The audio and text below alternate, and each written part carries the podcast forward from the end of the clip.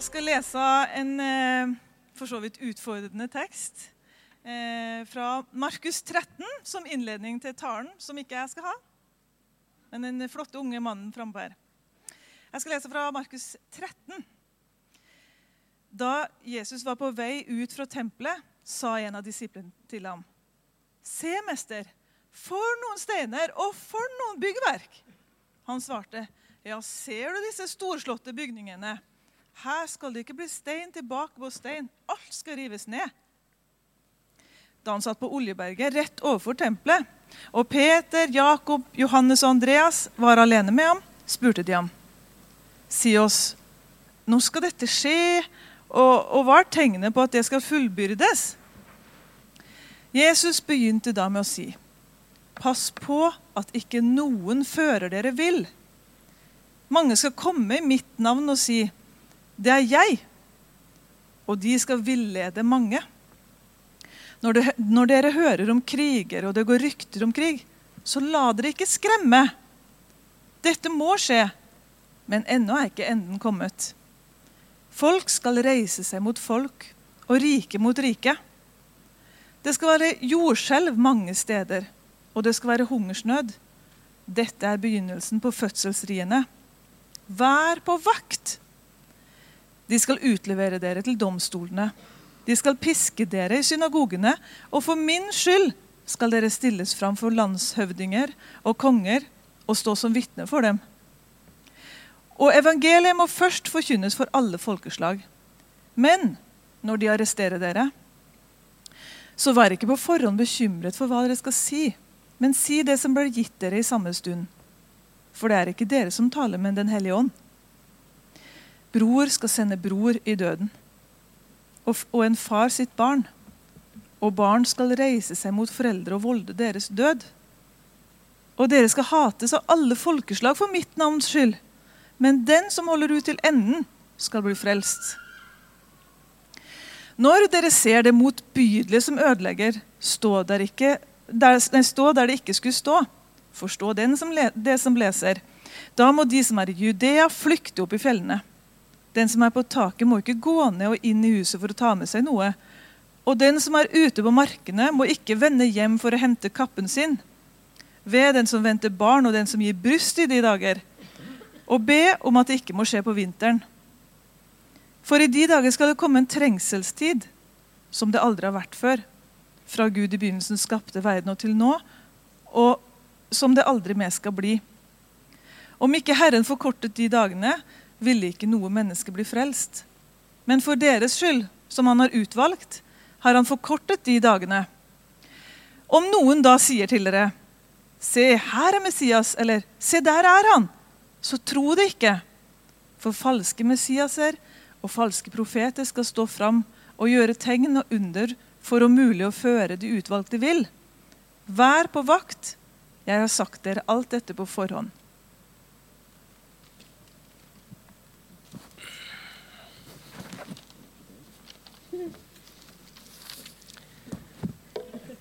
Hallo. Er ikke det fantastisk å få eh, jobbe litt med å få ta imot Guds ord og se på alle tekstene i Bibelen og også de som handler om disse tingene her? Og så, skal, så tror jeg i alle fall at uh, vi skal virkelig få, få noe fra Gud ifra denne teksten i dag. Så jeg skal først presentere meg sjøl, forresten. Johan Haugstad heter jeg, fra Vigrestad. Så hvis dere sliter med å forstå hva jeg sier, så må dere bare be om tolkninga. Så skal det nok gå bra. Kanskje det er en tolk som oversetter, kanskje uten jeg vet om det. Eh, jeg skal snakke om to ting i dag. Eh, det er litt sånn, for vi må, vi må, snakke om denne teksten, og det skal bli bra. Jeg tror Gud vil si noe til oss gjennom dette. Så skal vi inn på dette som er med faste å gjøre. Eh, det er jo spennende uker som ligger foran oss. To, to, to, kjempespennende ting å snakke om. Endetid og faste. Da er vi der. Eh? Veldig bra. Jeg tror forresten Hanne Therese må tulle litt før vi begynner. Hanne Therese sa at når du sånn, skal stemme sånn politisk, sånn, så, så, går det ikke liksom til ei av sidene, men det er bare for helt sikkert så stemmer hun på midten. Stemmer det ikke?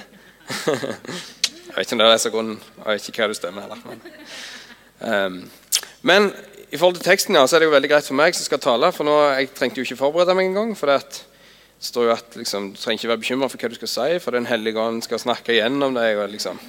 Så det er, jo, det er, jo, veldig greit. Så nå bare snakker vi oss i gang, og så Nei da. Fakta er at jeg leste en, en uh, bibelkommentar som tolker, liksom, prøver å tolke Bibelen. Og, og der sto det at uh, dette gjelder de som Hva det sto? Dette gjelder de som blir slept for retten, ikke for taleren som skal stå på talerstolen neste søndag. Så da har vi det. Jeg lurer på hva som skjer med oss når vi hører disse endetidstekstene. Vi som kristne tror jo faktisk at eh, en dag så, så er ikke denne verden her mer. Og det er ganske sånn hm, Tenker gjerne ikke over det hver dag. Og, og, men, men, vi tror det. Denne verden er ikke, varer ikke evig. Og Det merker vi jo rundt dere òg. Ting er ikke perfekt rundt dere. Ting vil ikke vare evig sånn som de er nå. Eh, og Det er egentlig en god nyhet, for det er en god Gud som har lyst til å gjøre noe med det. Eh, men så, så, hører vi sånne tekster som dette, og så er det liksom, det er ganske sterke ord. Ganske sterkt budskap. Jeg lurer på hva som skjer med oss. Jeg lurer på om Enten kanskje det blir litt fjernt. litt sånn, Klarer jeg å forholde meg til dette? Vet jeg hva det egentlig betyr? Og om jeg vet hva det betyr, om jeg forstår det, gir det meg frykt? Kanskje. Jeg vet ikke. Hvis vi misforstår, kanskje. Eh, eller så kan det jo være for all del at vi vet at Gud er en god Gud som ønsker å gjøre noe med det. Som har kontrollen, som har all makt, og som er herre. Og at vi da blir trøsta og blir rolige. Ikke sant? Og det håper jeg at, at vi kan oppleve. Når det gjelder å se på en sånn bibeltekst som dette, så fins det, det bøker i eh, altså Du kunne, kunne bygd hele biblioteket med alle de bøkene som er skrevet kun om dette temaet. her. Det er, skrevet, det er så mange tolkninger, og eh, det er mange som vet masse og har forstått mye. Men, men uh, allikevel så er det liksom Akkurat liksom hvordan dette skal skje eller se ut, eller sånn, det, vet vi ikke helt. Uh, vi vet at det er forskjellige syn på endetida. Ja, og det, det, skal jeg ikke gå veldig mye inn på. Uh, men det jeg tror at uh, vi skal se på, er litt hva, hva, som, hva, som, jeg tror er noe av det som Jesus syns er viktig å si til disiplene sine i denne situasjonen. her. Da.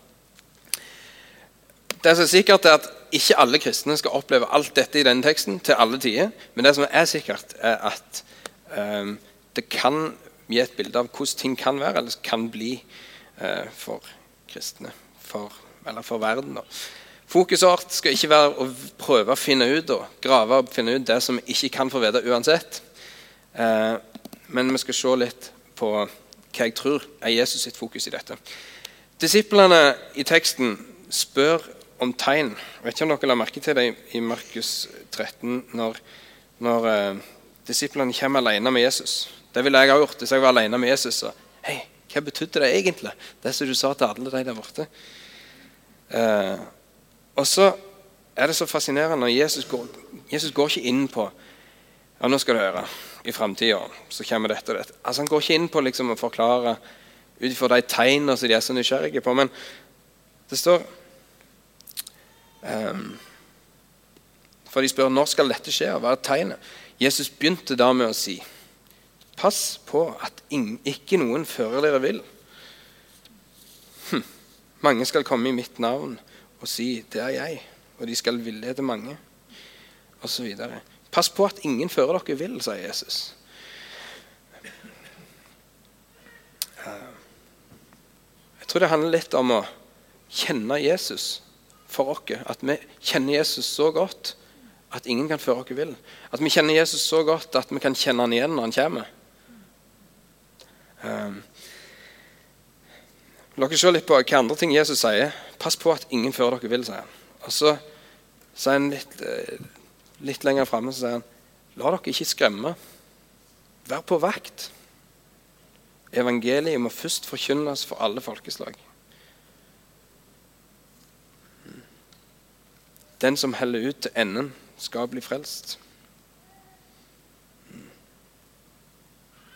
Vær på vakt.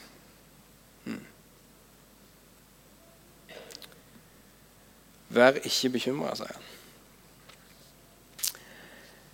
Og eh, jeg tror, jeg tror, Jesus er opptatt av at vi skal, vi skal høre disse ordene og vite realiteten, men vi skal ikke være redde. Jeg tror han vil, Han vil at vi skal ha tryggheten vår i, hans, i, i, ja, i, å vite hvem han er, kjenne han. Um, kjenne han så godt at vi kjenner han igjen. La meg bare ta dere med litt til Johannes kapittel 10, Johannes evangeliet kapittel 10, um, hvor Jesus omtaler seg selv som den gode gjeteren. En, god, gjeter har mange sauer. Og så sier han i vers 14 at 'Jeg er den gode gjeteren'. 'Jeg kjenner mine, og mine kjenner meg'. Og I vers 27 'Mine sauer hører min stemme. Jeg kjenner dem, og de følger meg'.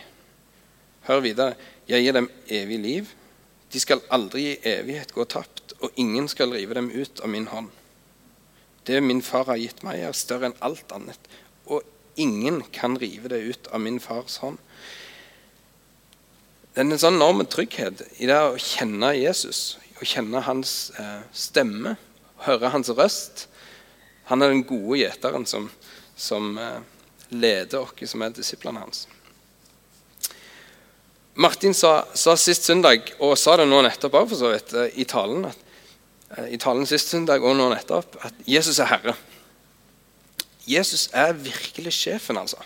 Jesus har autoritet. Han er sterk, og han er allmektig. Og hvis han er sjef, eller herre, da, inn i våre liv, så er det faktisk betydning for hvordan vi lever. Og han er en sterk, men god Gud. Så altså Hører vi det som at, at det er strengt? Det håper jeg ikke. Men hvis vi hører det som at det, det er godt for oss at han er sterk, at han er god, at han er kontrollen, så er det bra. I autoriteten ligger tryggheten. Guds hjerte er dessuten at vi skal klare dette. Vet ikke om dere la merke til det? Den som holder ut til enden, skal bli frelst. Det er ikke sånn Han vil riste av de som detter av, for, om, liksom, for å få med liksom, en, bare en liten gjeng inn til Jesus til slutt, til evigheten. Men han har lyst at vi skal klare det. Ok? Er det bra? Kanskje du skal bare ta, ta deg tid og si til Simon din at han vil at vi skal klare dette.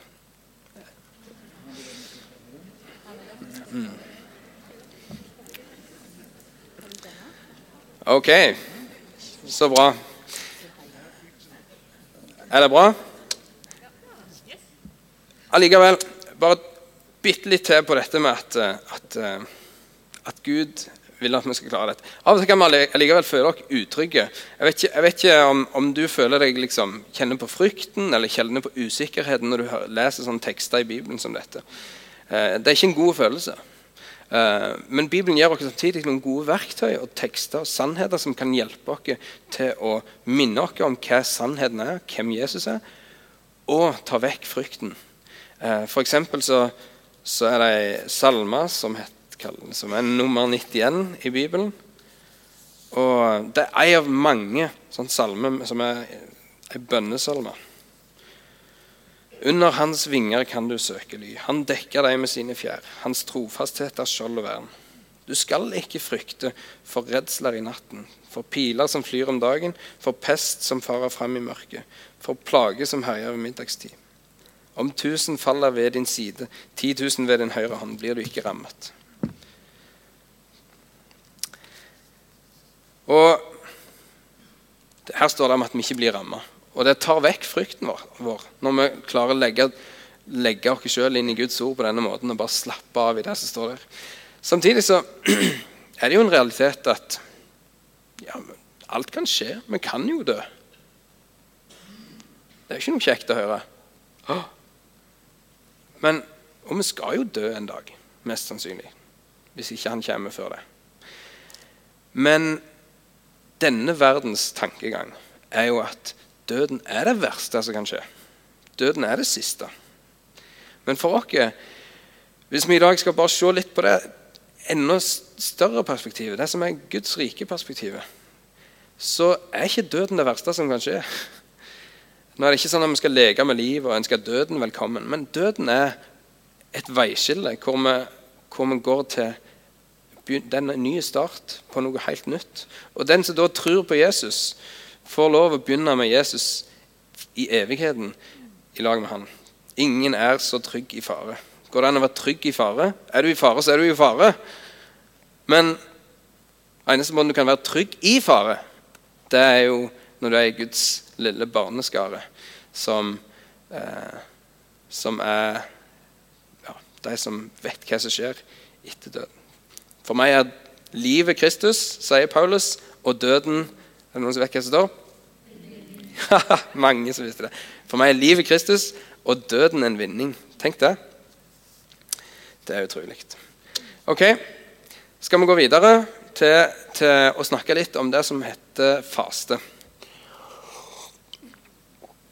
Faste er og Jeg tror det vil henge mye i lag med det som vi har snakket om til nå. Faste er inn. Visste dere det? Det sto om faste i Stavanger Aftenblad her en dag. Og ja, hva er faste? Det er jo å, å sette til side noe. Egentlig så betyr det jo ikke spise mat. Det kan også bety andre ting, men faste og faste det er jo, det er jo ikke spise mat. Eh, noen kutter vekk alt, andre kutter vekk noe. Noen snakker om grønnsaksfaste osv. Men, men det er trendy. visste dere det? Det er jo det er mange som gjør det for tida. Eh, jeg søkte det opp på nettet. og Det er alt ifra fastedietter til yogafaste og liksom en type sånn solidaritetsfaste. Så er det jo de som sultestreiker, da. Jeg tror kanskje sultestreik er den, den som kommer nærmest det vi gjør i, i kirka. Tror du det? Vi sultestreiker for mer av Guds nærvær. Gud, jeg gir meg ikke før jeg får mer av deg. Sultestreiker. Um, Iallfall så vet vi at uh, om det er inn nå med faste, så vet vi at uh, kirka har en lang tradisjon på dette. Det går egentlig helt tilbake til Jesus sjøl og enda før det. Det handler om å ære Gud gjennom å gjøre det. Det handler om å få kraft og gjennombrudd i bønn og mange andre ting som, som faste kan hjelpe oss til. Har dere hørt uttrykket 'magen er alle behovs mor'? Der var det Martin som lærte meg. Magen er alle behovs mor. Eh, hvis, du, eh, hvis du ikke har det bra, så kjenner du det i magen. sant? Kjenner igjen det? Hvis du er nervøs, redd, sint, lei deg, såra, kjenner det i magen. Eller hvis du har det knallbra, du har det bra på alle måter, men du ikke spiser på lenge, kjenner det i magen. Og hvis du har alle behov oppfylt, men ikke har spist på lenge, da har du ikke noen behov oppfylt. Magen er alle behovs mor, sier de. Og det er interessant. Vi blir gjerne fort gretne, f.eks., hvis vi ikke er det. Jeg var på et seminar med ei dame i England som, som, eh, som snakket litt om bønn og dette med faste. Og Hun sa at jeg har vært så gretten på mannen og ungene mine at det, var, det ble helt uutholdelig. Så sa jeg det til Gud, og da er vi på en sånn, sånn sultestreik-ting. Så i plassen for oss å begynne å ete igjen, så sa hun jeg gir meg ikke før du har gitt meg gjennombrudd i dette. Gud. Så hun fikk gjennombrudd og så faktisk at, eh, at det gikk an å ja. Men jeg mener det er ganske radikalt, egentlig. Jeg vet ikke om du tenker det er bra eller dårlig å være radikal, men det er ganske radikalt å slutte å ete. For det er en mann for 2000 år siden sa at eh, Gud skal lønne deg hvis du, hvis du ikke eter i en periode med tid. Ganske radikalt. Men det er likevel våger jeg å påstå, ikke en ekstremsport. På ingen måte. Eh, Jeg sa at det er inn, og det er mange leger og sånn, så er det masse positivt å si om det rent fysisk og eh, og psykisk og alt. Um, Men, men hvorfor skal vi egentlig faste? Og Nå skal ikke jeg prøve meg på melodien, men nydelig sang, altså. Horne og Team. Skal vi bare gi dem en klapp kjapt? og som tidligere trommis, nydelig med skikkelig nå er det, Jeg vet ikke om dere har fått en fast trommis nå, men det gleder meg. altså. Veldig bra. Uh, og så sang dere en sang. Gi meg øyne så jeg ser Nei, et eller annet. Gi meg øyne så jeg ser det du ser. Gi meg øyne så jeg ser det du ser. Uh, vet ikke om dere la merke til det i Markus-teksten i dag. Hva ser hva ser disiplene til Jesus? For noen steiner, for noen byggverk. Og Det var ekstreme ting. Men Jesus ser lenger. Jesus ser lenger. Han har et annet perspektiv. Det skal ikke bli stein tilbake på steinen, sier han. Og hva er tegnet, lurer disiplene. Jesus, pass på at ingen før dere vil.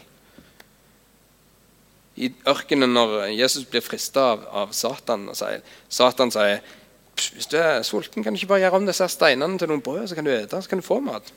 Jesus, mennesket lever ikke bare av brød. Lever av hvert ord som ut fra Guds munn. Helt annet perspektiv. Faste gir et nytt perspektiv når vi gjør det for å ære Gud, for å være med Gud. Rent sånn For min del så, så tok det meg i når jeg leste litt tidligere i Markus, i kapittel 8, så står det at for den som vil berge sitt liv, skal miste det. Men den som mister sitt liv for min skyld og for evangeliets skyld, skal berge det. Så tenker jeg oi, tenk om jeg ikke er villig til å ta noen form for risiko eller ubehag for Jesus. Mister jeg det som egentlig er livet, det som er Guds rike livet? Uansett. Vi kan, eh, kan ha det i bakhodet. Kan du faste? Ja. I utgangspunktet, ja, det kan du. Hvordan kan du gjøre det? Ja, Det er lurt å bestemme seg først. Og hva skal du bestemme? Ja, Du må bestemme hvordan du vil gjøre det. Det er jo tusen forskjellige. Jeg gidder ikke stå her og ramse opp hvordan du kan faste. Det kan du finne ut. Og det fins i brosjyren og alt. Eh, men det er lurt å bare bestemme seg for det. Eh, det du bestemte deg for, eh, er ferdig. Da da liksom, da er det mye lettere. Eh, jeg husker kongen faktisk sa kongen, Kong Harald sa at eh, det var skuffende lett å slutte å røyke. Det som var vanskelig, det var å ta bestemmelsen. Så når du bestemte deg, så bestem liksom i forhold til eh, hvordan du ønsker å gjøre det, og, og uh, hvor tid, hvor lenge. Er det et måltid? Er det en dag? Er det ei uke? Og så, så, kan det være lurt å bestemme seg for på en måte, dette ønsker jeg virkelig å be for. Dette ønsker jeg virkelig å ha som fokus denne uka eller den dagen. Eller. Dette ønsker jeg virkelig å ha som fokus. Eh, jeg vil be for den og den personen, eller be om gjennombrudd i dette. Og Så skal du se at det antagelig vil gi Det tror jeg på vil gi resultater. Altså. I tillegg så er det, det er lurt å planlegge i forhold til sosiale sammenhenger. Jeg vet ikke om mange som, hvor mange som er her som har liksom prøvd å gjerne være avholdende for noe eller faste, og så kommer du i tanta di sin 40-årsdag, og så har hun bakt vanvittig gode kaker. og så, så, sitter du der og så vet du ikke helt om du tør å si at du faster. Og så, bare, ah! og så blir, blir, det bare en dum situasjon fordi at du ikke er det, og så blir hun Sara. sånn kan det gå. Det er lurt å liksom planlegge litt. ok. I tillegg så er det bare for å nevne det, veldig mange sånn fysiske facts og forberedelser som det går an å, lese seg opp på. Det kan også være lurt. Sjekke med legen, f.eks. Og, og hvis du f.eks. har visse fysiske tilstander eller er mentalt litt syk eller, eller eh, har spiseforståelse, så kan det være lurt. Da. bare sånn For at jeg skal ha sagt det, så kan det være lurt å på en måte sjekke med en lege om det er lurt. Ok. Eh, I tillegg til liksom dette som handler om mat, så går det an å faste for Facebook. Eller fra helt andre ting. Eh, men, men, det går an å sette til side noe. Jeg setter uh, side Facebook i denne fastetida her. Det var ikke så lurt, fant jeg ut når jeg, når jeg liksom fant ut at uh, det var noen som hadde vært inne og tulla med min Facebook i løpet av den perioden. Så da oppdager du det på en måte ikke sjøl. Men uh, det går godt. Det går over i likeste laget, som de sier. Men det går an å faste fra Facebook eller forskjellige ting. Liksom, og Poenget da er at du rydder vekk litt tid for å få mer tid med Gud. Ikke sant? Eh, det som du i tillegg kan gjøre, hvis du velger å gå for det full on At du kan liksom ikke bare rydde vekk tid, men du kan si at jeg skal rydde vekk maten. Og så skal jeg i tillegg fokusere på Gud og gi meg sjøl til tida med Gud og, og fokus på Han denne uka. Og det du gjør, ja, Da er ikke bare å sette noe til side for å få mer Gud, men du setter på en måte hele deg sjøl til side for å være med Gud. Eh, kanskje det er en, en, en versjon av ordet 'å hellige'. Det betyr å sette til side. Hellige for Gud. Og Det har vi virkelig lyst til å gjøre her. Og så, så har jeg lyst til å si noe om, før vi går mot, helt mot avslutning, si noe om dette med lønn. Kan vi få lønn for å faste? Det står faktisk det i Bibelen. Kjenner dere til bergprekenen? Bergprekenen Jesus mest, i sin mest berømte tale. Så I kapittel 6 i Matteusevangeliet står det at eh, fasten det er noe som kun du og Gud skal vite om. Og så skal vi ikke være for rigide her. Sant? For hvis ikke eh, noen hadde fortalt til meg at, eh, at de hadde fasta, så hadde jo jeg ikke visst om at det var noen som gjorde det i det hele. Eh, men, men, det står at Gud som ser i det skjulte, skal lønne deg. Så har jeg en sånn greie i forhold til det med, med lønn. altså. Det står også i Hebreerbrevet kapittel 11 at den som søker Herren, han skal få lønn for det. Så tenker jeg, Jeg får sånn kjempegod tro på det. Sånn at jeg er veldig trygg hvis jeg velger å faste, eller hvis jeg velger å sette av tid til Gud. Selv om jeg ikke føler noen ting, så sier jeg til meg sjøl jeg får lønn for dette. Jeg får lønn. Gud er jo ikke en sånn dårlig arbeidsgiver som glemmer å betale ut lønna. Han tar betaler ut lønna på tida til meg. Tingen er bare at vi må ta ut lønna der. Vi må ikke ta ut hos folk. for det er jo ikke noe, Da får vi kanskje litt sånn ære, eller eh, noen blir imponert, eller et eller annet sånt. Men ta ut lønna hos Gud. Vi skal gå mot avslutning. Så jeg har bare lyst til å utfordre deg. Du sier, kan ikke du bare tenke gjennom det nå? Tenk gjennom det akkurat nå. Hvordan ønsker du å forholde deg til Gud i uka som kommer? Så kan vi bare ta ett minutt hvor du, hvor du eh, kan bare enten hvis du vil snakke lågt med Simon din, eller hvis du bare sitter og tenker gjennom sjøl, bare tenk gjennom ett minutt nå. Noe du ønsker å rydde vekk, og noe du ønsker å fokusere på hvordan du vil forholde deg til Gud denne uka.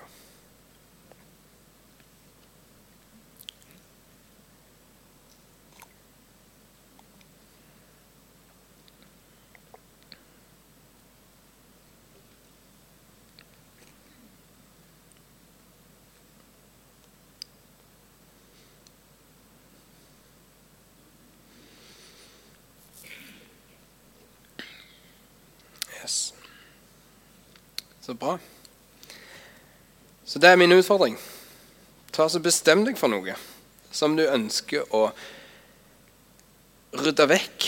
Eller noe som du ønsker liksom, en måte du ønsker å gjøre plass Ikke bare for å gjøre det, men for å få den spesielle uka i livet ditt med Gud. Ikke bare i livet ditt, men i løpet av året, eller akkurat nå iallfall.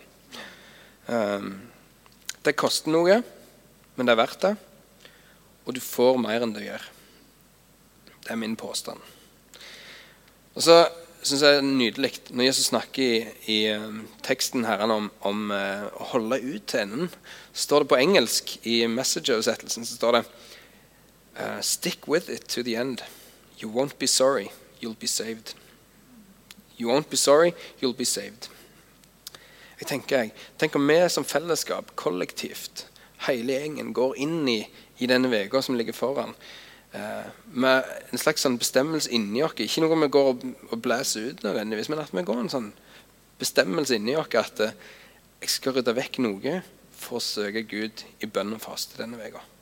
Jeg bare tenker Tenk for en gjennombruddskraft jeg ville hatt sånn i det åndelige, som vi ikke ser nødvendigvis. Tenk om nye mennesker kommer inn i dette bygget uten at noen er invitert dem nesten engang. Bare som en følge av at du og meg er bedt og fasta. Tenk om, eh, tenk om vi får nye og enda sterkere erfaringer med Guds nåde og nærvær. Han kviskrer fortrolige ord inn i ørene våre det vi er i bønn og faste. Tenk om vi får liksom helt nye perspektiv som tar vekk frykten vår og gir oss ny kjærlighet for de vi lever i lag med, jobber i lag med, studerer i lag med. Hmm. Så mens jeg ber nå, så kan vi bare ønsker lovsangsteamet velkommen og så lede dere inn i lovsang. Takker deg, Jesus, for, uh, for budskapet ditt eh, til oss. Takk for mulighetene vi har, Jesus. Takk for at du, du tvinger ingen til verken faste eller be eller noen ting. Eh, Det er helt fritt fram, men, men takk for muligheten du legger, legger der, Jesus. Sånn at vi kan få lov å ta et steg til sides for å eh, bli mer kjent med deg, for å innvie oss sjøl til deg, for å få større kraft i bønn og i, eh, mm, i livet med deg, Jesus. Vi ber om det, at det skal være realiteten for denne uka. Vi ber om sterke møter med deg, Jesus.